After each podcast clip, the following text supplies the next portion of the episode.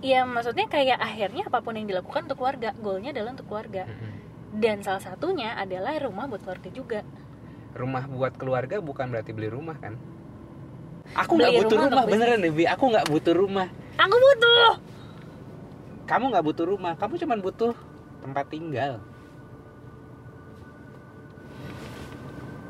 Orang tuh kejebak sama itu. Lu cuma butuh tempat tinggal. Lu nggak butuh rumah oke itu di situ there's a point in there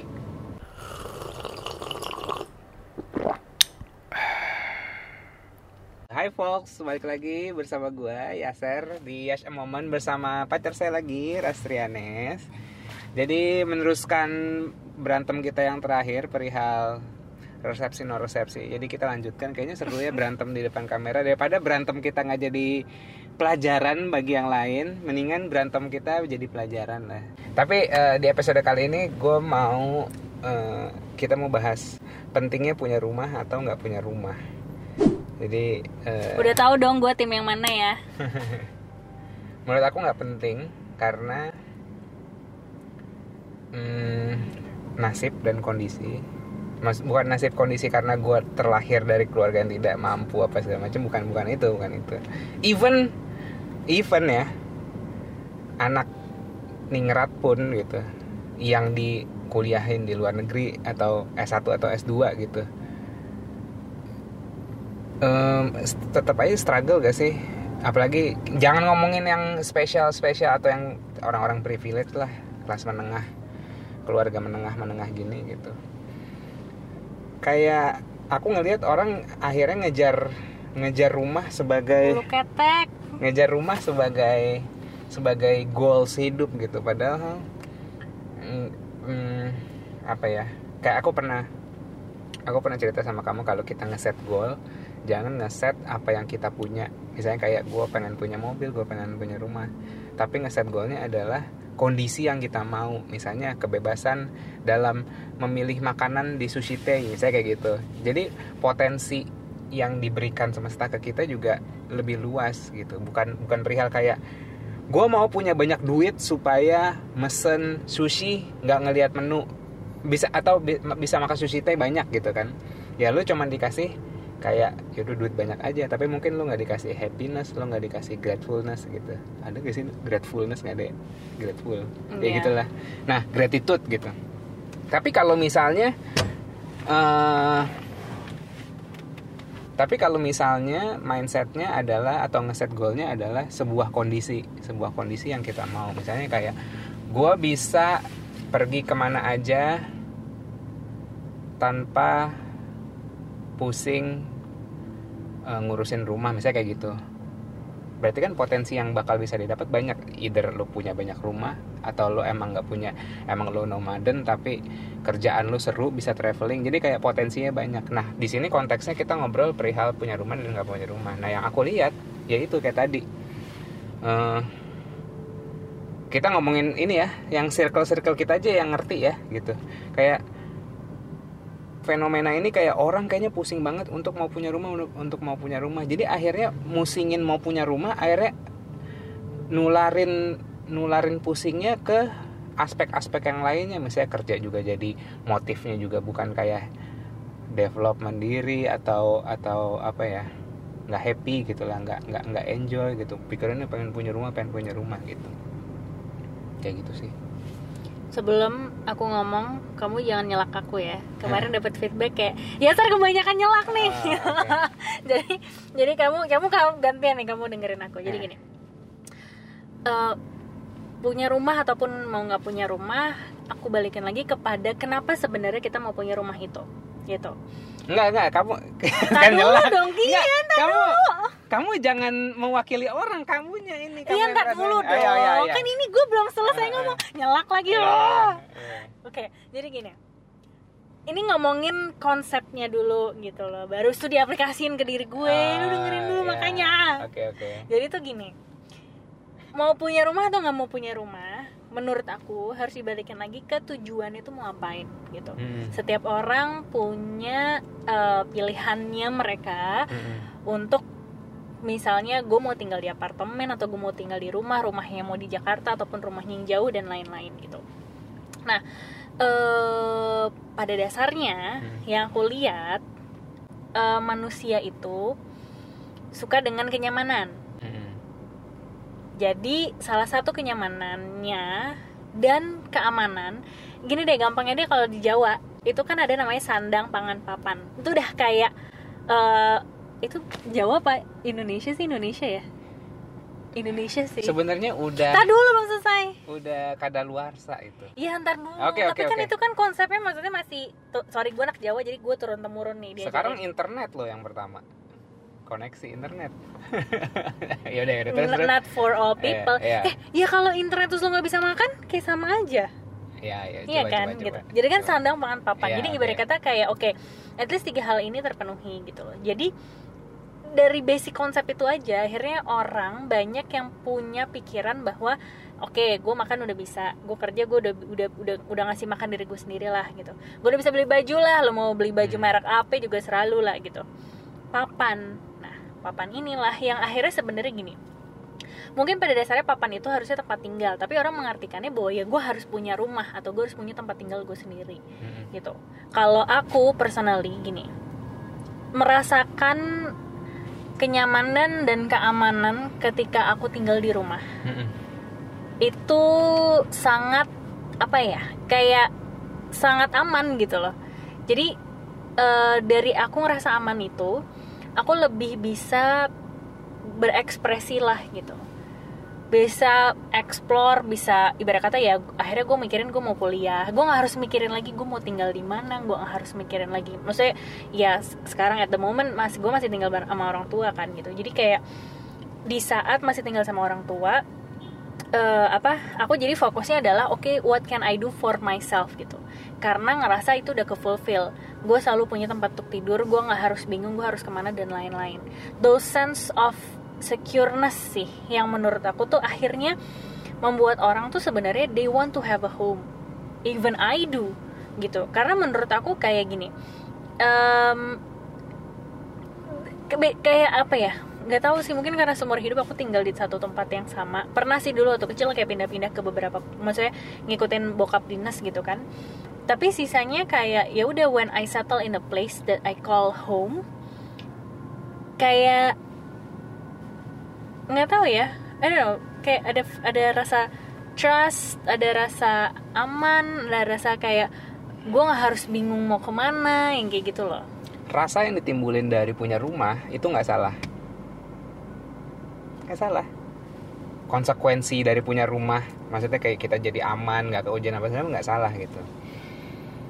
Tapi gini eh, realitanya realitanya nih eh, ini kan karena ini kan karena kamu apa ya ya orang tua punya rumah jadi ngerasain gitu. Sekarang aku tanya kamu kalau misalnya kamu sekarang punya duit satu miliar aja mau diapain jalan-jalan. Kesel nggak? Mendingan beli rumah. Atau kamu atau kamu apain nih duit gitu. Menurutku rumah mobil tuh investasi paling nggak worth it menurut aku. Oh gini.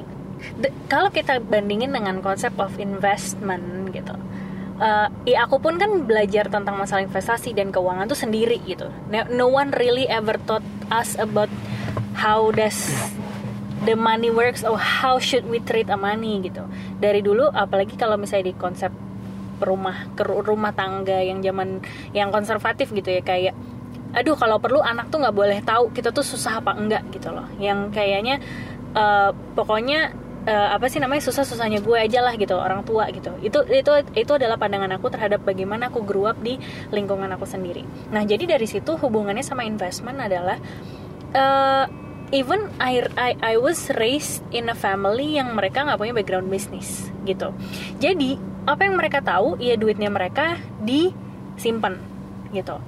Over time uang mereka yang disimpan ini tidak akan se misalnya setumbuh kalau misalnya dijadiin bisnis atau diputerin gitu kan gitu ya tapi kalau misalnya memang orang tua aku sendiri darahnya maksudnya kayak belum punya sense of business ataupun nggak ngerti jadi mereka they have no other choice to do an investment rather than ya udah punya tanah punya mobil gitu. Akhirnya they convert it into a material gitu. Karena mungkin mereka they didn't know the concept of a business gitu. Nah sekarang mungkin karena kacamataku juga lebih terbuka karena belajar bisnis gitu Uh, ya sebelumnya aku juga investasi-investasi ya apa sih kayak reksadana gitu-gitu kan yang kayak online. Maksudnya bukan online sih tapi kayak emang produk-produk perbankan gitu. Produk-produk yang udah dikasih sama bank produk-produk yang udah dikasih sama um, uh, insurance misalnya kayak gitu. Akhirnya aku ambil itu. Tapi setelah aku makin mempelajari lagi tentang investasi meskipun untuk belajar sendiri akhirnya aku tahu bahwa investasi itu ternyata banyak macamnya dan makanya ada yang namanya high risk high return kalau lo berani menginvestasikan uang lo terhadap suatu hal yang resikonya besar tapi lo juga punya potensi resikonya apa dapat returnnya bagus. Nah tergantung dari profil orangnya sendiri. Akhirnya nah aku ngelihat orang tuaku sendiri karena orang yang sangat konservatif mereka tipe yang gue nggak mau kehilangan duit. Jadi daripada gue high risk high return lebih baik gue invest aja ke sesuatu hal yang gue tahu. Dan makanya akhirnya mereka kayak contohnya adalah they bought a house they bought a house ya mereka punya mobil gitu. Jadi they convert it into what they know menurut mereka at least suatu saat ketika dijual masih ada nilai jualnya. Meskipun itu turun. Gitu. Misalnya sekarang kita suami istri kita punya duit 500 juta. Kamu beli rumah apa enggak? Mau? Emang kenapa? 500 juta mau dibeli rumah? Iya. Menurut aku Eh, the concept of buying a house. Iya, iya sih, iya sih. Kalau punya cash oke okay lah, kalau punya cash gitu. Tapi mas aku gini, coba aku, aku coba arahin lagi. Maksudnya kayak gini. Daripada gue berdarah-darah nyicil rumah, mendingan duitnya gue puterin buat bisnis. Rumah nanti adalah sebuah konsekuensi dari kesuksesan gue. Kalau misalnya uh, apa that's why that's why mungkin aku suka suka challenge suka risk uh, risk yang tinggi. Jadi ngepacu aku biar uh, lebih apa ya lebih fokus sama apa yang aku kerjain gitu. Karena ini risknya tinggi sekali gitu. Dan ya udah konsekuensinya dari situ uh, baru bisa beli rumah gitu. Aku aku nggak bukan tim nyicil sih. Maksudnya kayak nyicil sama nyicil rumah menurut aku sayang. Karena kayak apa ya? Nyicil rumah berapa sih paling paling Tapi 5 juta per bulan? Itu udah ya elah rumah jelek banget. Mendingan mendingan aku kayak jadi something oke kita kita ngontrak gitu jadi something gitu. Rumah menjadi konsekuensi yang menjadi konsekuensi dari kesuksesan kita aja gitu. Tapi tidak semua orang balik lagi terlahir ataupun ngerti bisnis. Akhirnya aku juga ngeliat teman-temanku yang bekerja gitu. Maksudnya aku juga akhirnya punya punya mindset yang seperti ini setelah aku memberanikan diri untuk keluar dari jalur uh, HR atau psikologi untuk belajar bisnis gitu. Iya, iya sama. Akhirnya maksudnya setelah setelah kita setelah kita bareng gitu, akhirnya aku berani to take a risk, right? Sebelumnya mah aku mah orang yang sangat kayak oh gue udah punya duit gue simpan gue ini pokoknya gue nggak mau kehilangan duit gue nih gitu kayak ada rasa kan gue udah kerja keras buat ini kalau gue kehilangan duitnya gimana gitu sense itu sih yang mungkin kayaknya buat orang tuh kayak I'm not ready if I have to lose anything gitu. You lose lebih banyak lagi kalau duit lo diinvestasi nyicil rumah. Karena itu kayak memper mem- membatasi ruang gerak ruang gerak aku sih menurut aku. Gitu. Buat kamu. Iya punya gaji misalnya 20 juta. Terus nyicil rumah 10 juta sebulan sangat-sangat membatasi gerak aku gitu. Sayang banget gitu. Daripada 10 juta nyicil rumah mendingan 10 juta gua apain gitu. Jadi something. Nanti ya mungkin kalau udah ya kalau mau nyicil-nyicil ya DP DP yang gede. Paling nyicilnya cuma berapa setahun setahun doang atau dua tahun gitu. Kan ada orang yang kayak men- apa ya ngeborgol dirinya sendiri sama cicilan rumah yang bertahun-tahun gitu. Dan akhirnya mem- membatasi dia untuk berkembang gitu karena mereka menurut aku gini hmm, sorry aku potong. Tapi memang menurut aku mereka nggak punya goal lain selain ya mereka tidak memikirkan goal lain untuk punya bisnis mereka nggak memikirkan goal lain bahwa gue harus nih duit harus gue apain gitu. Akhirnya makanya mereka kepikirannya adalah at least gue punya rumah at least gue safe at least gue tenang gitu. Indian nggak tahu sih tapi aku ngeliatnya akhirnya beberapa temanku yang sudah married gitu Eh, apa yang aku lihat memang orang-orang tuh pasti mindsetnya akan shifting. Be- beberapa teman aku eh, yang akhirnya menikah tuh langsung shifting banget gitu yang kayak ya ya udah kalau misalnya kayak gini yang penting kan buat keluarga ya buat anak gitu. Sampai temanku ada yang baru ada yang baru nikah gitu istri lagi hamil terus dia bilang gitu gue anjir gue beli stroller harganya 6 juta dia bilang. Ini adalah harga termahal yang gue bayar apa eh, sejauh ini buat anak gue belum lagi nanti Kenapa susu pampers dan lain-lain. Apa? Stroller second. Nggak tahu sih aku nggak nanya. Iya. tapi maksudnya kayak dia bilang gitu gue bawa gue bawa bekal tapi anak eh, tapi kayak ya udah semuanya buat anak gue gitu. Karena gitu sih mungkin Indian when nggak tahu ya ya kita kita belum pernah married gitu. Tapi kayak mungkin bisa jadi gitu. Once you are married akhirnya mereka goalnya adalah berkeluarga gitu. Mereka goalnya ya berkeluarga iya berkeluarga ya berkeluarga. Tapi apakah tools un maksudnya apakah harus punya rumah? Tapi ya maksudnya kayak akhirnya apa pun yang dilakukan untuk keluarga goalnya adalah untuk keluarga. Mm-mm. dan salah satunya adalah rumah buat keluarga juga. Rumah buat keluarga bukan berarti beli rumah kan? Ngontrak rumah berarti kan rumah buat keluarga juga kan? But it's not secure not secure gini karena punya rumah atau nggak punya rumah kita tetap nggak secure. Betul. Tapi banyak orang yang merasa bahwa at least selagi gue mampu selagi gue produktif gue cicil nih gitu. Jadi ketika nanti gue udah tua gue nggak harus mikirin gue tinggal di mana karena gue nggak punya duit gitu. Jadi akhirnya makanya mereka ngejar sekarang punya rumah supaya nanti suatu saat mereka nggak ini mereka nggak harus pusing-pusing udah tua harus tinggal ke mana dan lain-lain. Dan itu kalau misalnya suatu saat emang butuh bisa dijual lagi. Terus kemudian ya akhirnya mereka dapet duitnya. Misalnya kayak gitu. Ini ngomongin mereka kamu. Oh ya kan pandangan. Kalau aku benar juga. Kalau aku enggak sih aku tetap mau punya rumah. For the for the sake of why? For the sake of having a secureness. Mm-mm. aku tahu aku pulang ke mana aku tahu aku tinggal ke mana gitu.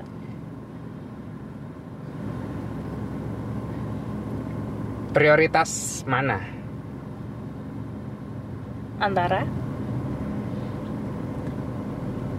Sekarang misalnya ya penghasilan kamu 20 juta aku 20 juta. Apa yang kamu lakukan? Apakah langsung cicil rumah atau gedein bisnis ya sekarang sih Indian mindset aku adalah ya aku tetap karena aku masih mau ekspor tentang bisnis I would probably prioritizing business dan maksudnya aku dari dulu juga kayak di saat orang-orang cita-citanya berkeluarga ataupun berumah tangga ataupun uh, married ya gue enggak sih gitu. Kayak I wanna do something more for me gitu. Jadi kayak mungkin at this moment pun kalau dibilang apakah harus segera mungkin nyicil rumah atau enggak? Enggak karena pun dari kemarin-kemarin aku juga udah kayak ke sana kemari lihat sana lihat sini gitu. Nggak pernah ada ngerasa rumah yang emang bener-bener cocok gitu. Nah jadinya akhirnya dari situ eh, apa namanya eh, aku ngelihatnya ya udah kalau misalnya emang aku belum ngerasa ada rumah yang bener-bener cocok kenapa aku harus maksain? Misalnya kayak gitu. Jadi dari situ akhirnya aku berpikir bahwa ya udah at least gue kumpulin dulu duitnya misalnya ataupun ya udah gitu. Nggak masalah kalaupun misalnya kayak belinya nanti nanti it's okay. Tapi in the end I actually want have like a home. Hmm. gitu. So cons- jadi kalau misalnya yang aku tangkap adalah menurut aku bukan masalah punya rumah atau nggak punya rumah tapi kapan belinya nih jadinya kalau di sini dalam pembicaraan kita. Karena kalau misalnya tadi kayak tadi kamu bilang eh, kamu bilang kalau misalnya kayak ya gue mendingan gedein bisnis gue gitu. Berarti kan artinya kan there's another priority rather than a home gitu. Jadi selama misalnya bisnisnya taunya udah berkembang terus apa lagi? Indian mungkin kamu akan mau juga punya rumah. Sekarang sih nggak kepikiran aku punya rumah. Ya Nggak. belum karena kita masih hustling kan gitu loh. We are still doing something for ourselves kita masih explore bisnis kita masih pengen ini kita masih pengen itu kalau punya tanah punya rumah terus akhirnya disewain dipakein bisnis itu oke gitu. Tapi kalau kayak buat rumah buat kita gitu. Ini bukannya jahat ya nih pasti teman-teman lu ngeliat kayak ya dasar egois dasar jahat. Enggak bukan itu aku nggak suka settle. Bukan berarti nggak mau nikah atau apa nggak suka settle nggak suka kayak memborgol diri sendiri ke suatu ngerti gak orang yang demen banget kuliah. Akhirnya demen banget. Iya gue tau kita emang beda banget. Terus? Demen banget kuliah.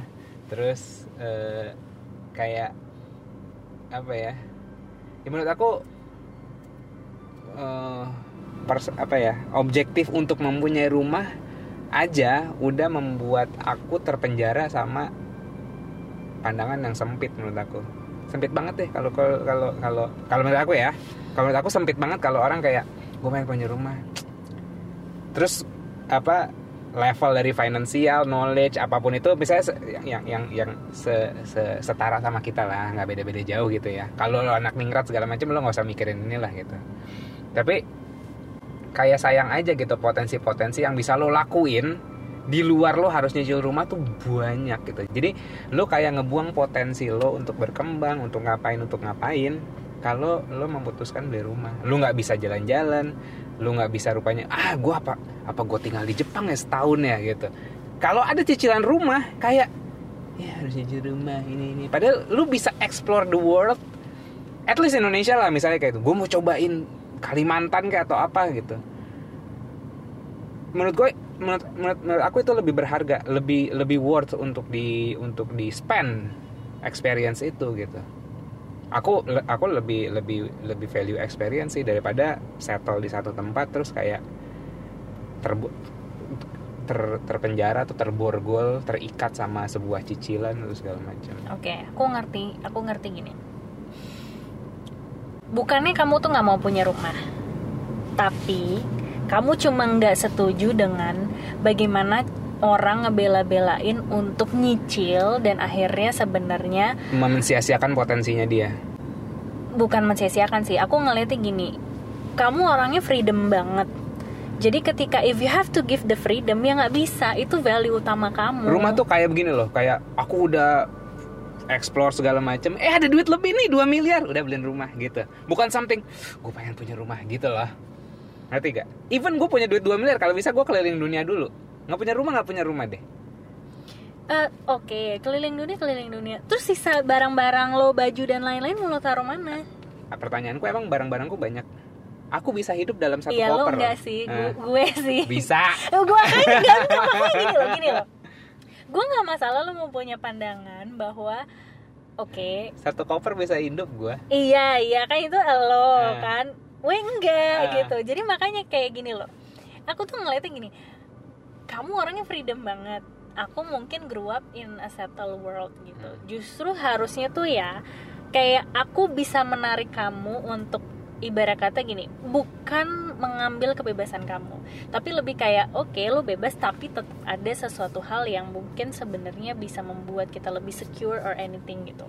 Jadi akhirnya aku tuh ngeliatnya kayak ya udah gitu. Maksudnya oke kalau kamu tadi memang keberatan dengan cara menyicil, kamu pengennya eh apa sih namanya? Ya kalau ada duit lebih atau duit nggak kepake buat itu gitu.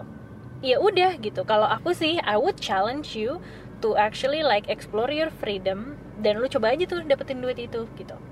Nah while I'm doing my own way gitu. Ya sekarang mungkin karena aku juga lagi explore bisnis. Tapi menurut aku sih gini Indian semakin aku belajar bisnis aku semangat mataku semakin terbuka bahwa nggak menutup kemungkinan beli rumah cash cuma balik lagi kalau kita ngomongin masalah financial men- menurut aku ada beberapa aspek yang harus kita pertimbangkan juga. Oke bayar cash is bayar cash gitu. Tapi sebenarnya kalau ngomongin yang paling penting adalah cash flow. Kayak jangan sampai kita pun bayar cash habis itu duit kita habis dan kita misalnya nggak punya pegangan apa apa atau nggak ada duit Ya, yang nyicil nyicil DP gede tapi disewain ke orang. Kita nggak tetap nggak punya rumah. Aku lebih rela kayak gitu. Kita beli kita beli rumah atau beli tanah bangun kos kosan atau kontrakan segala ya macam. Indian bisnis juga kan Iya, iya. kan gitu. Aku nggak butuh rumah rumah, beneran nih Bi. aku nggak butuh rumah. Aku butuh. Kamu nggak butuh rumah. Kamu cuma butuh tempat tinggal. Orang tuh kejebak sama itu. Lu cuma butuh tempat tinggal. Lu nggak butuh rumah. Oke itu di situ there's a point sih in there gitu. Suka kejebak orang kayak tempat tinggal itu harus rumah. Nggak juga. Lu bisa jadi dalam tanda kutip nomaden itu sama aja lu punya tempat tinggal. Bukan berarti lu tidur di kolong jembatan enggak. Daripada dari, dari daripada duit dipakai buat nyicil atau buat beli rumah untuk ditinggalin udah mati gitu. Mendingan kayak ya udah nyicil beli rumah apa segala macam tapi ya udah nih jadi apa kayak disewain apa segala macam gue mendingan nggak punya rumah. Bisa gue jalan-jalan. Ngontrak ngontrak seumur hidup gue nggak apa-apa. Enggak sih itu bukan pandangan orang pada umumnya sih. Kalau boleh mewakili beberapa bagaimana jangan bawa orang kayak- kamu. Lo enggak enggak. Maksudnya kayak gini loh kayak Iya Indian oke it's an it's an interesting perspective ketika kamu bilang bahwa oke all we need adalah tempat tinggal bukannya rumah. Oke, that makes sense. Iya, oke, aku terima. Nah, aku terima argumentasi objektifnya kamu. pengen punya kenyamanan punya kenyamanan bukan berarti di rumah kamu mau nggak tinggal-tinggal hub hotel hub gitu terus dengan bintang 5 atau nggak usah bintang 5 bintang 3 juga enak gitu Airbnb ke mana-mana jalan-jalan tapi kita punya rumah disewain orang ngasih duit ke kita kita jalan-jalan. Sebenarnya orang orang butuh tempat tinggal orang butuh kenyamanan orang butuh atap supaya nggak kehujanan orang butuh kasur buat itu, itu doang. Dan itu nggak harus semuanya kita punya dalam satu ini terus kita terjebak dalam satu tempat itu. Hmm. jadi maka dari itu kayak pandangannya orang suka kejebak gitu. Bahwa gue harus punya rumah buat keluarga gue iya buat keluarga bukan berarti lo harus beli rumah. Lo ngontrak rumah ya sama aja buat keluarga juga. Kayak gitu. Intinya sih lebih ke arah stability-nya ya atau settleness tadi sih gitu. Ya Indian ada juga sih maksudnya gini loh kayak ya nggak semua orang juga harus beli rumah. Pun ada yang survive dengan ngontrak dan lain-lain. Tapi kayak nggak tahu sih ini ya maksudnya aku menyuarakan pandangan yang selama ini aku dibesarkan. Ya memang if you have a home kayak ada settle kayak ada sense of settleness dan juga steadiness. But in the end aku ngerti bahwa value orang nggak semuanya settleness gitu. Apalagi orang kayak lu kayak susah sih gitu. Se se worst case skenario nya ter- terparahnya aja. Kita ngontrak seumur hidup dan akhirnya nggak punya rumah. Aku rasa experience, life experience-nya lebih kaya daripada orang yang mimpi apa ngejar punya rumah tak udah jadi rumahnya selesai tuh udah. Terus kekurung di situ. Oh nggak nggak gitu juga. Gini. Another perspective would be once kamu kita punya rumah itu ibarat kata tuh kayak semacam legacy lah ataupun warisan yang mungkin nanti bisa dikasih aku nggak mau anak. warisin anakku harta. Aku mau warisin anakku knowledge skills. Oke, oke itu nomor satu, setuju. Kamu, tapi kan kayak nggak ada salahnya gitu loh. Eh berarti itu kan bukan sesuatu yang nomor satu nggak penting Bukan nggak penting, memang bukan prioritas nomor satu for now for Hmm. us, Hmm. ya kan? Ya tapi kalau misalnya kita ngomongin di luar sana penting atau nggak penting, orang tetap merasa penting ya karena itu. Karena aku ngelihat dengan mata kepalaku sendiri bahwa orang-orang yang ditinggalin harta sama orang tuanya ini ya ini dari perspektif sempitku aja. Mungkin banyak orang-orang yang pintar anak-anak yang pintar ditinggalin harta ditinggalin bisnis sama orang tuanya bisa jadi sukses gitu. Tapi itu diimbangi dengan ilmu skill knowledge wisdom yang cukup untuk untuk memeluk sebuah harta itu memeluk sebuah tanggung jawab itu. Di saat lu dapat warisan tapi lu nggak punya skill knowledge wisdom untuk ngurus itu harta habis. Make sense, setuju. Makanya jadi lu nggak boleh ngatain orang-orang yang sekolah. Sekolah bukan berarti Tapi ya kalau misalnya itu memang untuk mendapatkan ilmu, nggak semua sekolah jelek, nggak semua Eh. sekolah ibarat kata ya kayak ke mana-mana ini oke boleh kita ngomongin kuliahan pendidikan ya enggak ini nggak apa-apa nggak apa it's okay Enggak soalnya kan tadi kan Eh. kamu bilang kayak Iya. kamu bilang eh, apa sih namanya? Iya kayak buat orang-orang yang kuliah kayak emang what's wrong with kuliah gitu. Ya maksudnya kalau misalnya memang gini, aku ngerti bahwa kita bisa belajar secara formal maupun secara informal. There are life skills, there are soft skills yang memang uh, banyak yang bisa kita dapat di luar sana. Lu Tapi ilmunya Kamu- bisa tetap bisa. kamu bayar aku satu juta per bulan kamu bisa lebih pinter dari dari dari sekarang aku kasih aku kurasi video-video yang kamu mau mau mau achieve aku kurasi video-video di YouTube podcast buku apa segala macam kamu baca deh nggak usah kuliah enggak enggak enggak. Tetap gue nggak serius Gue tetap jalur aliran formal. nggak bisa. sekarang iya, nonton YouTube yang bener-bener ini ya faedah ya gue mau jadi videografer yang nonton YouTube how to how to bikin apa segala macam atau bisnis gitu lo ikut seminar seminar aja lo baca buku segala macam lo aplikasi langsung di lapangan Oh, gue tahu yang bisa matahin ini loh. The reason, another reason kan, maksudnya kan kuliah, aku kuliah banyak ya gitu. Satu kayak gini, ke- eh, the reason kenapa aku mau kuliah bisnis adalah em, karena aku ngerasa aku I want to I want to explore life so much more than just HR things gitu kan. Ataupun karena rekrutmen selama ini kan aku ya rek- eh, kerja di rekrutmen dan aku ngerasa itu sempit banget gitu. Hmm. dari semomen ketika aku ngerasa bahwa gue pengen gue pengen deh jadi orang nomor satu di sebuah perusahaan bisa nggak ya gitu. Dan akhirnya ini lu potong aja nanti buat enggak. episode enggak kedua. apa-apa. terus terus. Terus apa namanya terus kan aku mikir kayak oke gue pengen suatu saat bisa nggak ya gue gue sejauh apa sih gue bisa bercita-cita gitu. Terus ber, gue berpikir bahwa kayak gue pengen jadi orang nomor satu di perusahaan gitu. Ngebayangin kayak ngomong ngayal-ngayal gitu dulu aja gitu kan. Kayak apa sih rasanya jadi bos orang nomor satu gitu. Terus mikir lagi orang dengan background HR kok kayaknya jarang ya CEO CEO yang naik kenapa ya gitu.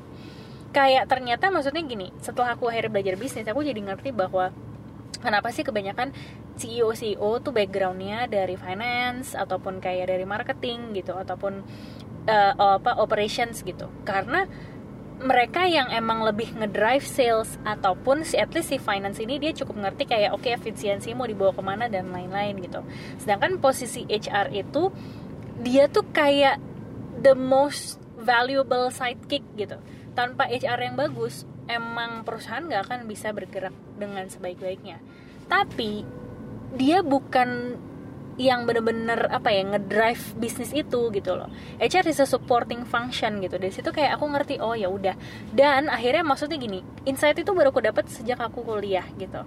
Oh Indian aku tahu ternyata ada ilmu ini ada ilmu ini ada ilmu ini yang sebenarnya jadi kayak gini karena mungkin kita dari dulu ada hal-hal yang kita suap ada yang kita disuapin sama ada hal yang kita cari sendiri. Kayak ketika kita blank aku waktu itu nggak tahu harus ngapain aku butuh disuapin. Makanya akhirnya aku cari ya udah I take a package atau eh, kayak apa sih namanya kalau lebaran tuh ada kue oh ya udah deh ada kue ini ada kue ini ada yang asin ada yang manis ada apa gitu. Jadi kayak aku membiarkan sebuah institusi yang kredibel untuk nge-package itu untuk kemudian aku serap gitu. Kalau misalnya aku belajar dari YouTube bukannya nggak bisa, tapi kayak I don't know if finance really important for me or not. Sebelum itu, sebelum aku belajar ini, kayak Indian eh, apa jadinya tuh kayak ada misalnya ketika aku nggak tahu, aku butuh insight-insight itu dari orang yang lebih tahu. Selain itu yang kedua adalah ini kamu pasti nggak bisa nolak networking. Gitu. ada namanya komunitas bisnismen ada tapi nggak sedikit juga yang mereka ya lo baru bisa gabung ke komunitas kita kalau lo sudah value, value bisnisnya berapa tuh yang kayak Oh. gitu-gitu ya kan gitu ya itu mah ya itu mah grup-grup ini beda oke eh but Indian gini kita kan apa sih waktu itu ada ada ada ada sebuah pepatah cie pepatah Hmm. Eh, apa yang dia bilang kayak oh nggak kemarin aku bisa ngomong sama temanku gini your network defines your net worth Hmm. Gitu. Jadi oh, kita di sekelilingnya sama orang-orang kayak gimana itu sebenarnya kan akan nge-shape kita nanti akan menjadi orang yang seperti apa gitu kan. Jadi ketika misalnya aku nyemplungin diri ke sekolah bisnis ya orang-orangnya at least kita sama-sama belajar bisnis gitu. Indian ketika kita udah terjun langsung di bisnis menurut aku kayak akan lebih lebih apa ya maksudnya lebih beneficial bukan hanya sekarang tapi juga in long term play gitu. Tuh yang Oke. kedua network terus yang ketiga hmm, eh gue orangnya kurang disiplin itu kekurangan yang tapi aku bukan aku embrace juga sih. For now masih aku embrace tapi kayak oke aku ngerti bahwa ini harus dibenerin. Tapi dengan aku punya sekolah gitu kayak aku datang ke sekolah kayak ada sense bahwa terus kalau Oke, nggak di sekolah sini harus- nggak perlu disiplin? Iya perlu tetap Heeh. tapi kayak I am not really kayak conscious unconscious gitu loh. Kayak masih masih aduh iya gue tahu nih kalau gue nggak disiplin gitu. Tapi yaudah deh gue ini gitu kan.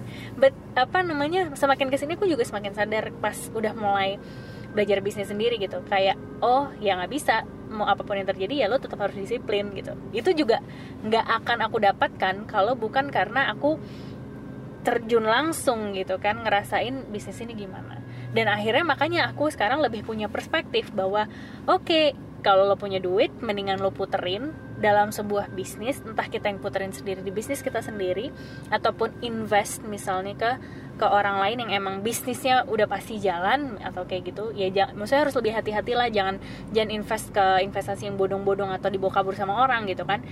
Another reason for me to actually study about business adalah itu juga gitu. Karena ada aja di keluarga aku ataupun eh, bukan di keluarga besarku gitulah yang ya ada lah yang ditipu ini ditipu itu gitu. Dan kayak ya kenapa? gitu kan. Jadi dari situ aku penasaran dan aku pengen belajar lebih lanjut. Jadi dari situ akhirnya makanya aku lebih punya kepikiran bahwa oke nggak apa-apa duit diputer nggak apa-apa beli rumahnya nanti.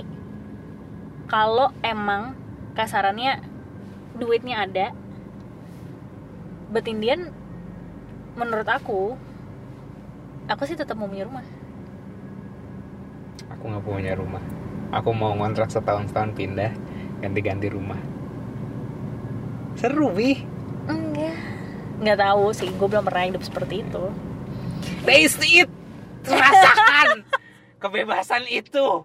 Rasakan. Ya udah. Cukup ngalor ngidul tapi mudah-mudahan dapat dapat dapat insight dari eh, debat kita. Yang pasti ya ada orang yang ada orang yang mengorbankan kebebasan dan potensinya untuk beli rumah. Ada yang eh, bermain dengan api atau di jurang kehidupan dengan nggak punya rumah dan living the life fully experience. Soto ya gue? Ya iya uh, nggak tapi tapi tapi tahu aku aku masih belum aku masih belum dapat sense-nya bahwa kita harus mengorbankan hmm, potensi-potensi kita untuk kita berkembang untuk kita ke mana-mana hanya karena nyicil rumah dan habis rumah itu beres terus kita tempatin terus kita nggak ke mana-mana. Aku masih belum belum dapat lah gitu. Jadi kalau misalnya teman-teman gue atau teman-temannya Anes atau penonton eh, yang bukan teman-teman kita punya pandangan eh, mau mau mau ngebales mau maki-maki kita juga. Nggak maki-maki sih. At least Iya, membe- at least kayak share another point of view kali ya. Nah buat iya. buat memperkuat argumentasi salah satu dari kita. Hmm. karena kalau menurut aku balik lagi we have different values gitu. You value freedom I value apa ya? Gitu tapi kayak definitely not freedom Eh, at at the first time I met you gitu. Kayak oh sekarang aku udah mulai lebih ngerti lah what freedom for you are gitu.